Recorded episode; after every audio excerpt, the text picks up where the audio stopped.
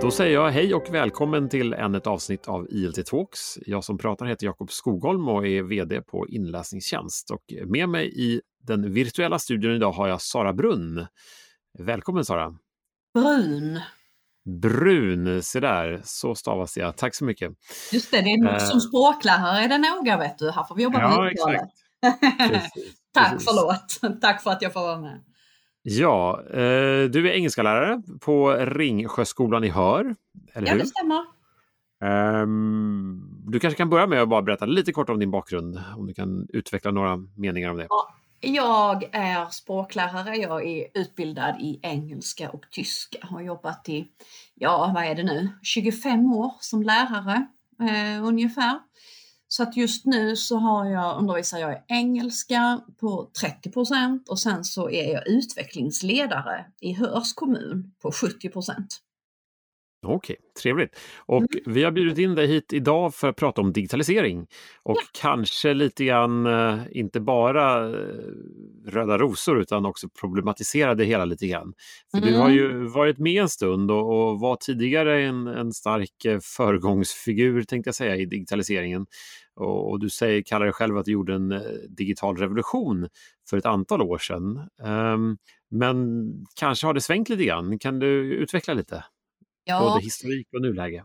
Ja, jag tänker nog att när jag började arbeta med digitaliseringen, det var väl 2013, då fick jag mina första iPads. Jag fick eh, fem iPads hade jag till mina, min klass då 2013 och det var ju helt otroligt vad jag tyckte vi kunde göra mycket med dem.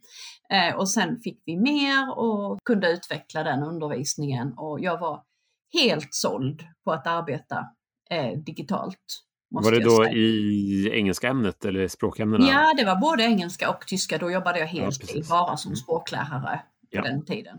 Eh, då började vi arbeta med eh, Google Drive till exempel och att eleverna kunde eh, det var en helt ny värld som öppnade sig när man kunde dela dokument med eleven och ge feedback i realtid i elevens skrivprocess till exempel.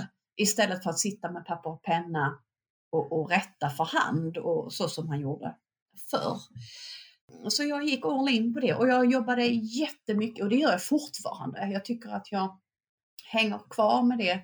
Jag har kvar det jag tycker fortfarande är bra men en hel del har jag lagt åt sidan och konstaterat att nej, eleverna lär sig faktiskt inte mer och då ska jag inte jobba med det digitalt. Är det så att de till och med lär sig mindre eller bara inte mer?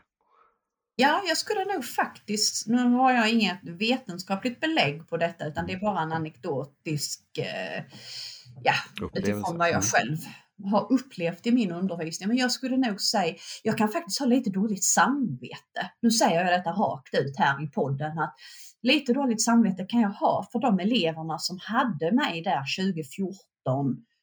Eh, för det blev lite för mycket fokus på tekniken. Det kunde mm. vara så att vi skapade, de skulle skapa avatarer och vi skulle skapa egna eh, Avatar är ju en sån här liten gubbe och, mm -hmm. och sen skulle de gå på restaurang och så skulle man sätta in gubben i en bild. Och tekniken tar överhand. Alltså skapandet tar över inlärningen av språket. Det kan jag ha mm. dåligt samvete för med de eleverna. De och tror du att det beror på att uh, verktygen är omogna? Man kan ju verkligen tänka sig att uh, över tid så, så, så rättas det här till och det blir ett Nej. mer användarvänligt verktyg. Nej, det, det, tänker jag inte, utan det, är, det, blev, det var processen där som var fel. Uh, utan, och skapandet, och så detta ser jag fortfarande. Jag ser fortfarande att uh, sådana här teknikprojekt tar överhanden.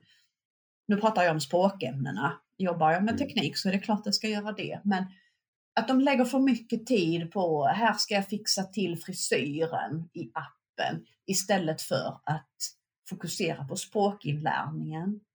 Det är en fara jag ser idag. Ja, men, men, det låter som du har testat det mesta och kommit fram till att en del saker funkar bra och andra funkar mindre bra. Vad är det du skulle vilja säga att eh, du gärna håller kvar vid? Och du, uppenbarligen så undviker du avatarer och eh, program som eh, öppnar för sånt. Då, men vad, vad vill du hålla kvar vid? Man kan använda avatarer ibland, absolut, men det får bli eh, eh kort, koncist, enkelt. Ibland som en liten warm-up activity eller någonting sånt där, men inte något mycket mer. Nej, men jag ska mm. hålla kvar vid eh, eh, de här kollaborativa, de här samarbetande Eh, programmen och de här funktionerna eh, där man kan, i det senaste inlägget jag har publicerat eller skrivit har jag visat hur eleverna kan vara aktiva vid distansundervisning. Sådana tillägg och program som gör skillnad. Eh, alltså här måste eleverna vara aktiva, elevaktiva verktyg tycker jag är viktigt. Som släng in en mentimeter till exempel, vad tycker du som elev? Så att de måste ta ställning. Eller man kan ta grammatikundervisning. Det älskar ju inte alla. Helt obegripligt faktiskt. Men då kan man till exempel om man lägger upp eh, två, tre meningar. Vilken är rätt? Och så får eleverna rösta.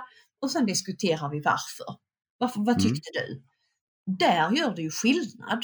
Mm. Och då, och då lyckas du skapa någonting både i distansundervisning och i klassrumsundervisning som är bättre än du hade utan det digitala.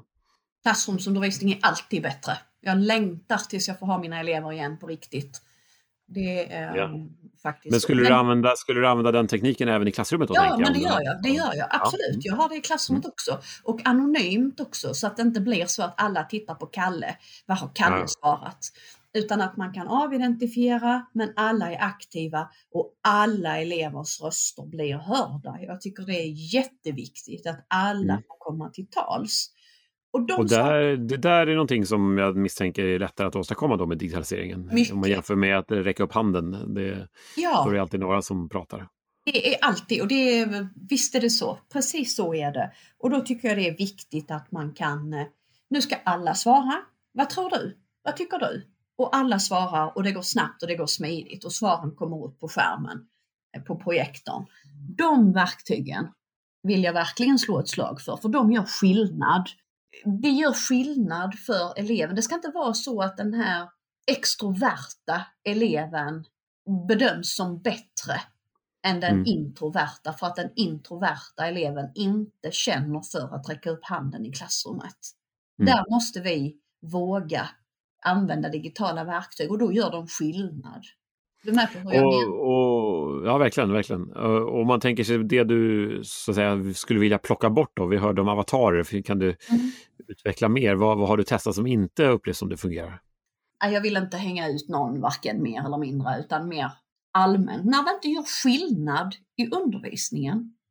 Mm. När det blir för mycket lek. För mycket lek och för mycket fokus på det istället för mm. fokus på lärandet. Du ska välja ett digitalt verktyg som gör skillnad när du tänker eleven lär sig mer. Om den här, det här du gör på datorn lika gärna kan göras med papper och penna, gör det med papper och penna då. Mm, ja, um, och du, du, har skrivit en hel del om det här, va? eller hur? Ja, jag har skrivit två böcker till och med, så att, uh, visst har jag det. Ja, och du får ju praktisera nu väldigt mycket av detta i den distansundervisningsvärlden vi lever i just nu. Ehm, och även där har du delat med dig av tips till, till lärare. Kan du utveckla lite grann hur du gör det? Ja, först, jag jobbar ju som stöd ehm, till lärarna i vår kommun där ja, vi tar fram råd och riktlinjer och sådär. Jag och min kollega, vi konstaterade att ja, men det är väldigt många andra som inte har det här stödet. Så att Eh, först började vi med våra riktlinjer till våra lärare, så då släppte vi dem fria eh, och publicerade dem i den här stora Facebookgruppen Distansundervisning i Sverige. För nu pratar vi riktlinjer för distansundervisning ja, specifikt? Ja, mm. precis. Ja, förlåt om jag var otydlig. Um, ja, och det blev ett jättestort sug efter det. Och eh, sedan så eh, har jag gjort olika instruktionsfilmer för att jag kan irritera mig på att huvudmän inte har tagit sitt ansvar. Man förväntar sig att lärare bara ska kunna undervisa på distans. Men det är faktiskt inte så. Det är väldigt svårt att göra det och få till en vettig undervisning. Men det, det bara tas för givet och många lärare vittnar om att de är helt ensamma i detta. Att mm. de har ingen hjälp. Eh, så då gjorde jag instruktionsfilmer som jag har publicerat fritt, ligger på min Youtube och på min blogg. Och de har blivit jätteuppskattade. Då kan man sitta hemma, titta på den i en kvart, prova, titta, prova, titta. och så sänks stressen för lärarna och det blir bättre för eleverna runt om i landet. Mm. Ungefär så. Kan, kan du också sammanfatta några välvalda tips för, för den lärare som ännu inte har läst dina och tittar på dina filmer? Vad, vad, ska man tänka på vid distansundervisning? Vad är nyckeln? Om du tycker att du måste vara tydlig med instruktioner i vanliga fall så måste du vara tusen gånger tydligare vid distansundervisning. Och minimera antalet digitala verktyg. Renodla och håll dig liksom, så att det ska vara lätt och styr eleverna. Klicka här, gör så, 1, 2, 3. Jätte, jättetydligt måste det vara. Nu jobbar jag på högstadiet och de behöver mycket mer struktur, antar mm. jag, än de lite äldre på gymnasiet. Mm. Ja, det är nog ett rimligt antagande. Och, eh, ser du fördelar med distansundervisningen? Det kanske är en udda fråga, men det kan ju ändå finnas saker som kommer fram här som, som man inte tänkt på. Ja, alltså när jag pratar med eleverna, mina elever, då säger mm. de att eh, de tycker att det är rätt så, de tycker att det är skönt att vara hemma. Eh, men ja, fördelar eleverna med svår, jag vill, skulle egentligen komma till det här med att elever med svårigheter som inte riktigt klarar av när det är rörigt i klassrummet och när det är mm. mycket folk. För dem kan detta vara, kan detta kanske kännas bättre. Mm. Eh, men det finns... Det, det, det, måste finnas elever som har svårare att få disciplin också då, åt andra hållet. Ja men verkligen, det, det måste jag absolut säga. Jag, nej, jag, jag eh, det är ett nödvändigt ont, detta måste jag säga. Mm, mm. Ja. ja, det är väl ingen som hoppas på att vi kommer befinna oss i distansundervisning mer än nödvändigt. Nej, sen är, har det varit nödvändigt så att missförstå mig inte där. Men... Ja. Vad intressant! Och om nu våra lyssnare skulle vilja läsa och förstå mer av dina tips så, så sa du att du hade en Youtube-kanal? Ja, just det. Mm. Med Då söker man på Sara Brun. Ja, och, och man kan... med två U till och med. Mycket viktigt med stavning, säger språkfröken. Precis. Mm. Um, är, det, är det bästa kanalen? Din blogg? Ah, jag skulle nog säga att eh, Bruns klassrum kan man söka på. Eh, där finns Bruns färdiga lektionsupplägg helt fritt. Det är bara att låna. Mm. Ja, men det låter som en jättebra tips och en bra avslutning på vårt mm. lilla samtal här. Så eh, jag vill tacka dig för att du tog dig tid och tacka alla lyssnare för att ni har lyssnat och eh, träffa Sara virtuellt då i, på hennes blogg och på hennes Youtube-kanaler. Tack så mycket! Ja, tack för att jag fick vara med!